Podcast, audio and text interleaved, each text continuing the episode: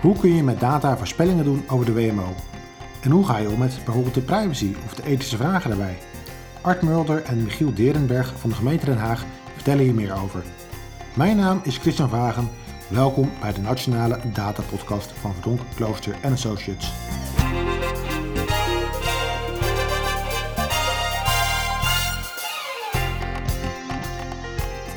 Welkom bij de Nationale Data Podcast, de podcast over en voor datagedreven organisaties. Met inspirerende gasten, tips, dilemma's en inzichten over het gebruik van data, algoritmes en artificial intelligence in de publieke sector. Mijn naam is Christian Vagen en mijn gasten vandaag zijn Art Mulder en Michiel Derenberg van de gemeente Den Haag. Heren, welkom. Dankjewel. Leuk dat jullie er zijn. Jullie werken beide voor het programma Informatiegestuurd Werken binnen de gemeente. Dat klopt. Wat, wat gebeurt er in het programma en wat is jullie rol daarin?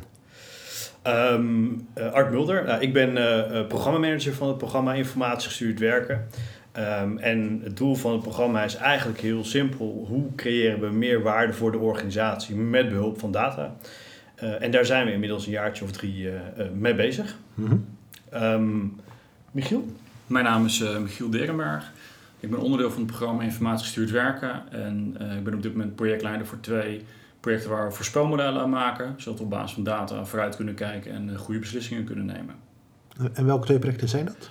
Uh, we hebben een project waarmee we thuiszitten voorspellen voor leerlingzaken. En we zijn een voorspelmodel voor de WMO aan het maken, waarmee we aan het kijken hoe ontwikkelt de WMO zich in de stad richting 2022. Mooi. En, en als je het over thuiszitters, wat, wat zijn dat? Uh, thuiszitters zijn leerlingen tussen de 12 en de 17, dus eigenlijk tussen de 12 en de 18. Uh, die langdurig niet op school komen en die eigenlijk wel terug naar school moeten om uh, een goede kans op de arbeidsmarkt te krijgen. Oké. Okay. En dan kijken jullie met name naar, goh, wat, wat zijn nou uh, potentiële thuiszitters en hoe gaan we daar interventies op, op leggen? Ja, ja, dat is wel de bedoeling. Om te kijken of we die kinderen op school kunnen houden, zodat ze met een diploma daar op de arbeidsmarkt komen. Ja, mooi. Ja. ja. Ja, het programma is natuurlijk nog, nog veel breder dan, uh, uh, dan alleen voorspelmodellen. Mm -hmm. um, eigenlijk hebben we over drie assen gekeken van uh, hoe ga je nou met data meer waarde creëren. Eén um, is om de uh, basis op orde te krijgen. Nou, dat hebben wij data management genoemd. Uh, en dan gaat het simpelweg om de vraag om in kaart te brengen welke data hebben we. wat is de kwaliteit van die data en hoe krijgen we die kwaliteit hoger? Mm-hmm. Um, nou ja, over de hele as, zeg maar, bij onze analyses hebben we meer dan naar 84 bronnen en honderden Excel-sheets gekeken. Uh, dat hebben we allemaal in kaart gebracht en we zijn nu druk bezig om uh, nou ja, die basis verder op orde uh, te krijgen. dat hebben we allemaal in een datacatalogus gezet, zodat we heel mooi kunnen zien en kunnen zoeken naar data en data kunnen ontsluiten. De tweede as van het programma was eigenlijk het traditionele BI, dus Business Intelligence. Um, dan heb je het simpel over de vragen van hoeveel geld hebben we nou exact, hoeveel hebben we uitgegeven. Uh, wat is de werkvoorraad uh, van, van mensen? Wat is de caseload? Uh, simpelweg om beter de, de, de organisatie te kunnen besturen. Mm-hmm. Um, OCW, waar we het nu over hebben, is een grote organisatie. er werken 2200 man. echt een grote begroting van honderden en honderden miljoenen euro's. Dus goede sturing is, is essentieel. Um, en de derde as was eigenlijk voorspelmodellen.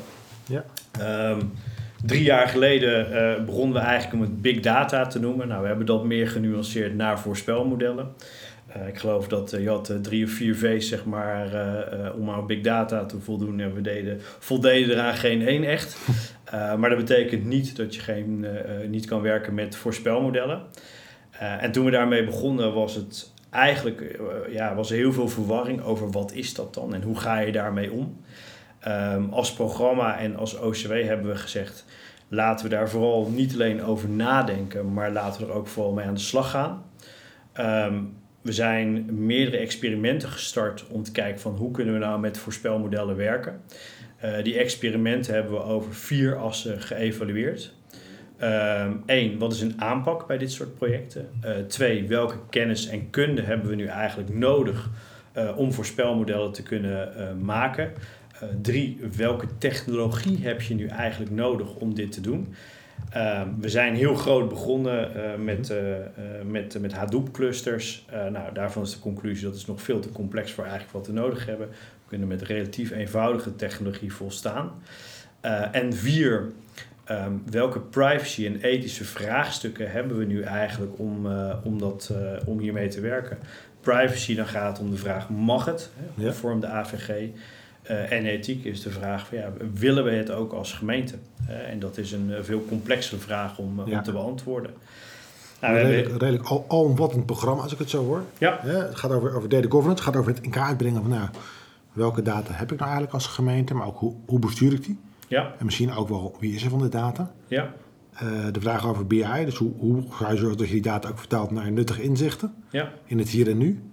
En de vervolgstap eigenlijk nog wel de, de voorspelmodellen. Hoe ga ik nou zorgen dat ik op basis van die data ook gaan kijken naar wat er gaat gebeuren in de toekomst wellicht? Ja, ja en, en daarbovenop natuurlijk ook nog het menselijke aspect. Uh, hoe, hoe ga je mensen nou daadwerkelijk ook um, uh, aan de slag zetten ja. uh, met de uitkomsten van al die analyses en van, van rapportages en van dashboards. Ja. En dat is best ook een grote uitdaging. Hè? Dus daar moet je mensen echt in meenemen om het op een goede manier te doen.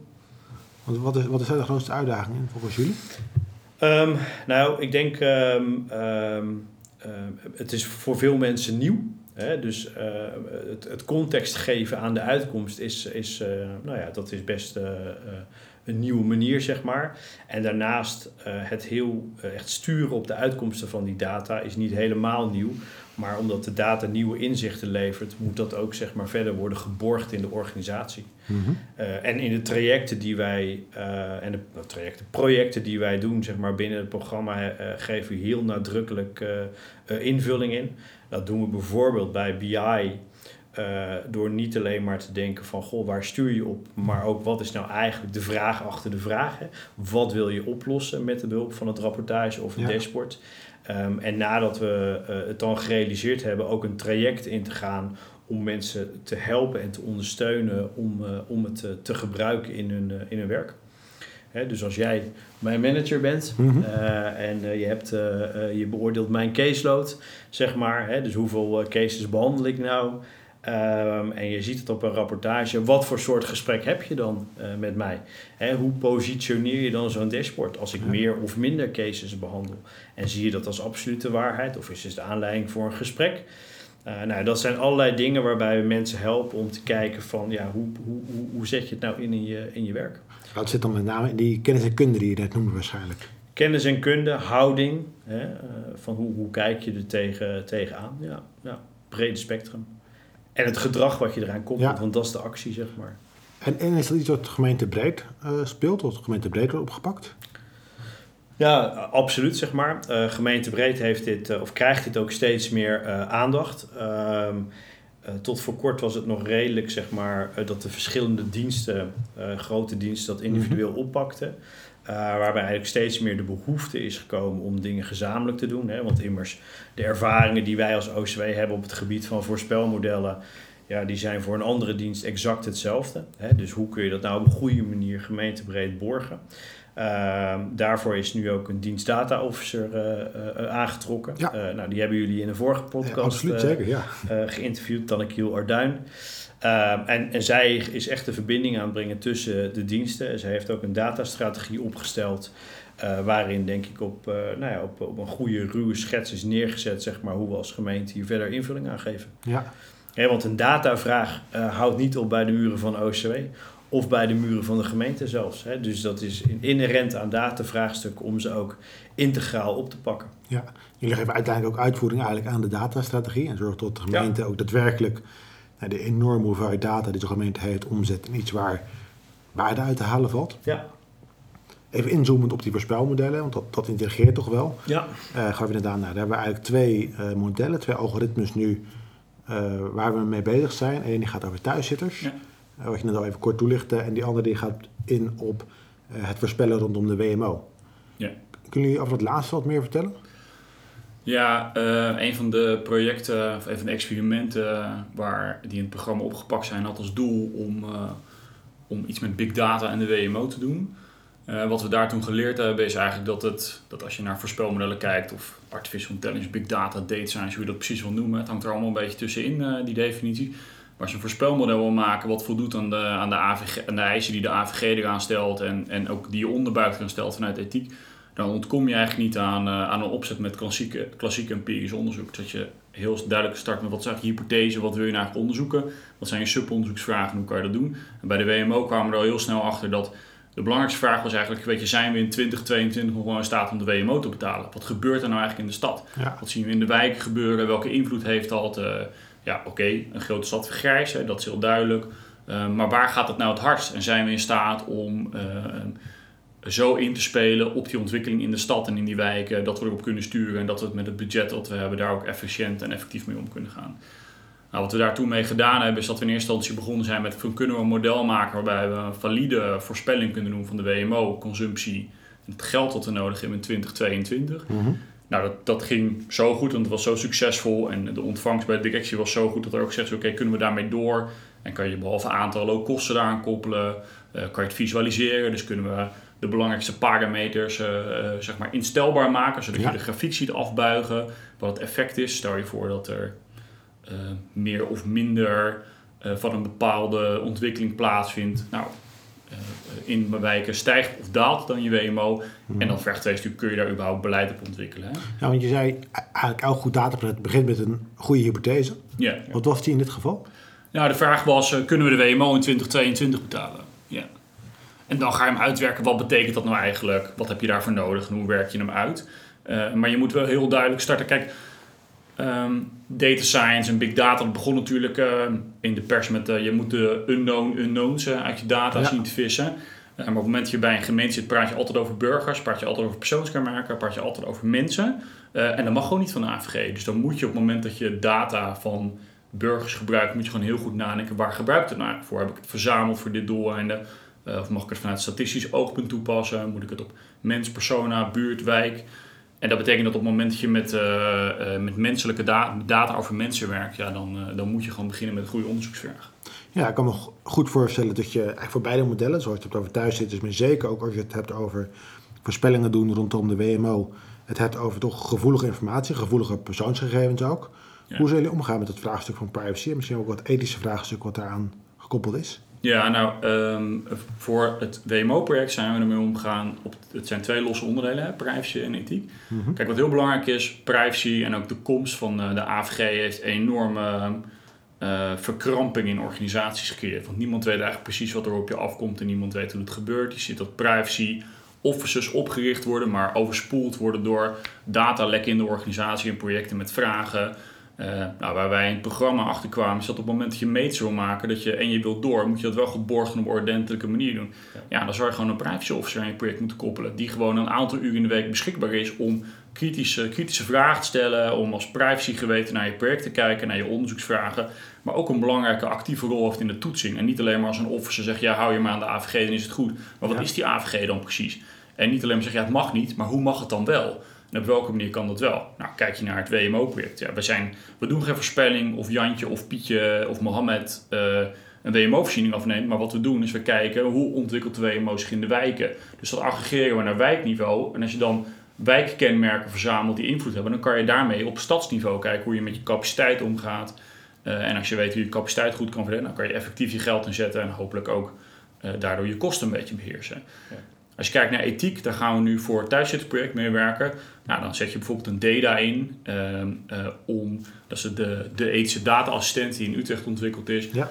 En nou, die gaan wij heel duidelijk inzetten om een uh, ethisch kader op te stellen waarbij we gedurende de implementatie van enerzijds algoritme en anderzijds de interventies om kinderen op school te houden, mm -hmm. dat we iedere keer met elkaar nadenken langs het ethisch kader van oké, kan dit met het kader wat we met elkaar afspreken? En ik leg dat dan altijd aan mijn projectteam uit. Je moet op het moment dat je hier naar buiten loopt op het spui en je komt een burger tegen, moet je gewoon kunnen vertellen, dit zijn we aan het doen, deze data gebruiken zo werkt het algoritme en op die manier gaan we proberen om iemand op school te houden. En als je dat niet kan uitleggen zonder pijn in je buik, moet je het gewoon niet doen. Dat is eigenlijk ethiek in, in een nutshell.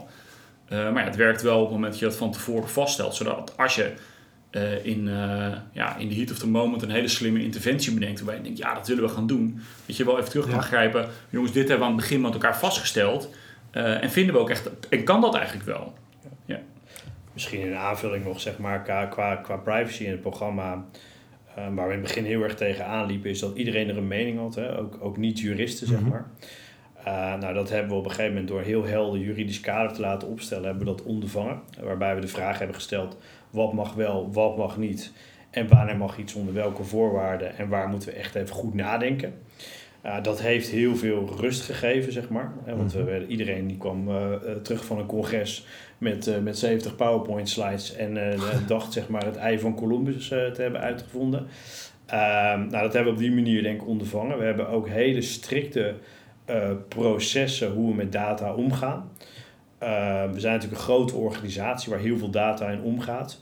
Uh, maar alles wat we vanuit het programma doen, doen we met, uh, volgens hele heldere stappen. Met de juiste goedkeuring en de juiste betrokkenheid van de privacy officer. Um, zeker nu we daar veel ervaring mee hebben, uh, belemmert dat helemaal niet. Sterker nog, het, het versnelt juist. Ja. Um, qua ethiek is denk ik een ander en veel, veel complexer vraagstuk. En dat moet je echt per geval gaan, mm -hmm. gaan kijken hoe je daarmee omgaat. En ja. het belangrijkste is uh, in mijn beleving door um, uh, in alle tijden van je project de vraag te blijven stellen: kunnen we het uitleggen en willen we het uitleggen? Um, en, en zolang je dat doet en natuurlijk ook de antwoorden, -hmm. een goede discussie daarover hebt, dan heb je denk ik al stappen gemaakt. Er is één experiment waarin we ook een soort van ethische commissie hebben opgericht, mm -hmm. omdat dat daar onder andere om medische data ging. Uh, om daar ook een soort van vingergevoel uh, ja. bij te krijgen. Nou, dat heeft het uiteindelijk helemaal niet gered, dat project. Hè, onvoldoende data. Um, maar op die manier proberen we daar als gemeente, want daar hebben we natuurlijk een grote verantwoordelijkheid in, op een juiste manier mee om, om te gaan. Ja. En jullie hebben de afgelopen drie jaar veel geïnvesteerd om te komen tot waar jullie nu staan. Ook bij het inkleden van de randvoorwaarden. Bijvoorbeeld als je het hebt over nou, hoe gaan we om met dit soort vraagstukken rondom ethiek. Hoe gaan we om met een goed, helder privacykader. Nu kan ik me voorstellen dat de beide modellen niet alleen van toepassing zijn voor of nuttig zijn voor de gemeente Den Haag, maar eigenlijk voor, misschien voor alle gemeenten. Klopt. Ja. Hoe, hoe is jullie samenwerking met andere gemeenten? Wat is het toekomstbeeld van uh, waar het naartoe gaat met deze modellen? Ja, kijk, de gemeente Den Haag heeft natuurlijk, uh, net als de andere grotere gemeentes, als voordeel dat we gewoon heel veel data hebben. Hè, en uh, voorspelkracht en significantie. Ja, hoe meer records je hebt, hoe eerder je dat bereikt. Als je het vergelijkt met kleine gemeentes, dan hebben wij in verhouding met hun enorm veel cliënten in de WMO en enorm veel leerlingen. En ik zeg altijd, ik ben opgegroeid in Krimp aan IJssel. Ja, het WMO-voorspelmodel wat wij hebben, dat zal voor de gemeente Krimp aan IJssel een stuk minder goed doen dan dat het het voor, ja. noem eens even wat Utrecht zal doen. Hè? Die, die steden lijken op elkaar. Wat je wel ziet is, en dat is heel mooi, dat uh, ook vanuit VNG er nagedacht wordt en gekeken wordt om, om algoritmes. Want er gebeurt in het land op allerlei plekken wat, om dat te bundelen en die kennis samen te vatten. Ook om te voorkomen dat allerlei gemeentes allemaal zelf maar een WMO-voorspelmodel gaan bouwen. Uh, want ja, als het maar voor ons werkt op wijkniveau, waarom zou dat dan Precies. niet voor de rest werken? En je ziet dat daar nu voor de doorontwikkeling van het voorspelmodel voor de WMO hebben daar een samenwerking begint te ontstaan. Uh, waarbij nou, de uiteindelijke ambitie wel is, we moeten de voorwaarden nog invullen, maar om het model wat wij ontwikkelen mm-hmm. eind volgend jaar beschikbaar te stellen via de VNG en andere gemeentes. Dat brengt hele interessante vragen met schop. Wat is dan wederkerigheid? Uh, hoe krijg je dan de investering die de gemeente Den Haag heeft gedaan? Wil je dat dan ja, terugverdienen of niet? Mm-hmm. Uh, en hoe werkt dat? Nou, dat weten we allemaal nog niet. Maar het is wel heel mooi om te zien dat eind vorig jaar hebben we een plan geschreven om nog twee jaar met het project door te gaan en het algoritme door te bouwen tot het implementeerbaar is. Hè, om ja. echt bij te dragen aan kostenbeheersing, capaciteitsplanning en effectiviteit. En toen hadden we het idee van nou laten we nou kijken of we we wisten dat Den Bosch wat aan het doen was. We hoorden dat er in Twente wel wat gebeurde. En Amsterdam deed iets met de WMO, maar niet precies. Dat dachten, laten we eens kijken of we een soort van WMO-event kunnen organiseren. Een soort hackathon waar we dan 15, misschien wel 20 gemeentes krijgen. Met misschien wel 30 tot 40 deelnemers om met elkaar die puzzel proberen te leggen. Nou, het event is 20 september. We hebben intussen uh, bijna 100 aanmeldingen van uh, 70 gemeentes. Dus je ziet dat de, de, de betrokkenheid ook heel groot is. En we gaan niet alleen maar ja. met elkaar praten, maar we gaan die dag ook echt werken aan uh, landelijke kenmerken. We gaan aan het voorspelmodel werken. We gaan een inhoudelijke stroming doen om over beleid te praten en ontwikkelingen. Maar we gaan ook technisch met elkaar werken om dat voorspelmodel die dag en daarna ook met elkaar beter te krijgen. Dus je ziet wel dat daar grote behoefte is om het samen te doen. Kunst is wel om het ook weer een beetje te concentreren. Mm-hmm. En uh, te zorgen dat het, dat het ergens toe leidt. Ja. Ja. Is het doel daarvan ook uiteindelijk het, het landelijk uitrollen van dit model? Nou, landelijk uitrollen van het model, dat zal Als dat gebeurt, zal dat door de VNG gaan. En daar zullen wij misschien wel een rol bij. Maar uiteindelijk moet je een soort ultiem Haags voorspelmodel hebben. En dat ultieme Haags voorspelmodel, dan krijg je Ja. een handoff richting de VNG. Waarbij de VNG dan hopelijk een beheer en een ja, change advisory board en een doorontwikkeling doet. Ja.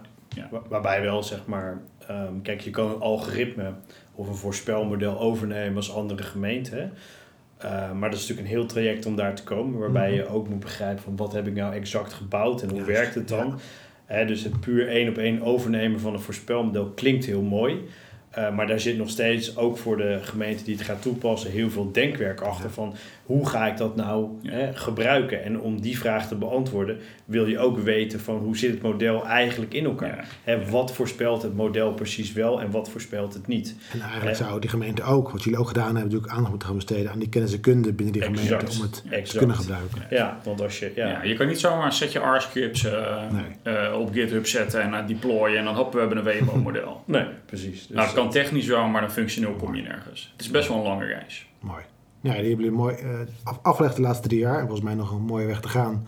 Ja. Ook om te kijken hoe ga je dit eh van mij laten zijn, ook voor andere gemeenten. Nou, ja. Er ligt ook een mooie oproep voor andere gemeenten om zelf ook te gaan investeren in informatiegestuur of in, in data-driven. Ehm, dank voor jullie verhaal. Graag gedaan. Leuk dat jullie de gast wilden zijn om dit verhaal ook hier te, te vertellen. Eh, nu is het een beetje een traditie aan het worden om ook in de podcast aan onze gasten te vragen van... Goh, hebben jullie nog een suggestie of een tip voor iemand die we ook in onze podcast te gast zouden moeten vragen? Iemand met een inspirerend dataverhaal? Ja, kijk, ehm, ik zou zeggen, ehm, eh, nodig Karin Akkers uit, gemeente Den Bosch. Die hebben ook het eh JATS Data Science, eh, Jeronimus Academus Data Science Ja. Hub in Den Bosch zitten. Die doen ook hele interessante dingen en hebben een hele andere schaal dan eh, de gemeente Den Haag, maar bereiken ook heel veel. Ja, het is interessant om die uit te nodigen.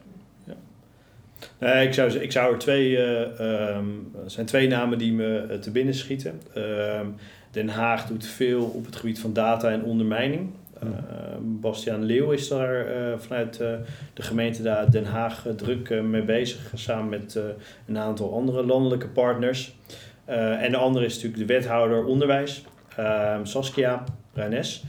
Eh, we hebben zelf, zijn we natuurlijk nu eigenlijk bottom-up hebben we verteld hoe het model tot stand is gekomen. De vraag hoe je het gaat gebruiken eh, binnen de context van de Haagse onderwijsagenda is natuurlijk een hele interessante en een heel ander perspectief eh, eh, op, dit, eh, op het voorspelmodel rondom thuiszitters. Dank. Drie mooie suggesties, die nemen we mee. Graag gedaan. Nogmaals dank voor jullie verhaal. Heel graag gedaan. Prima.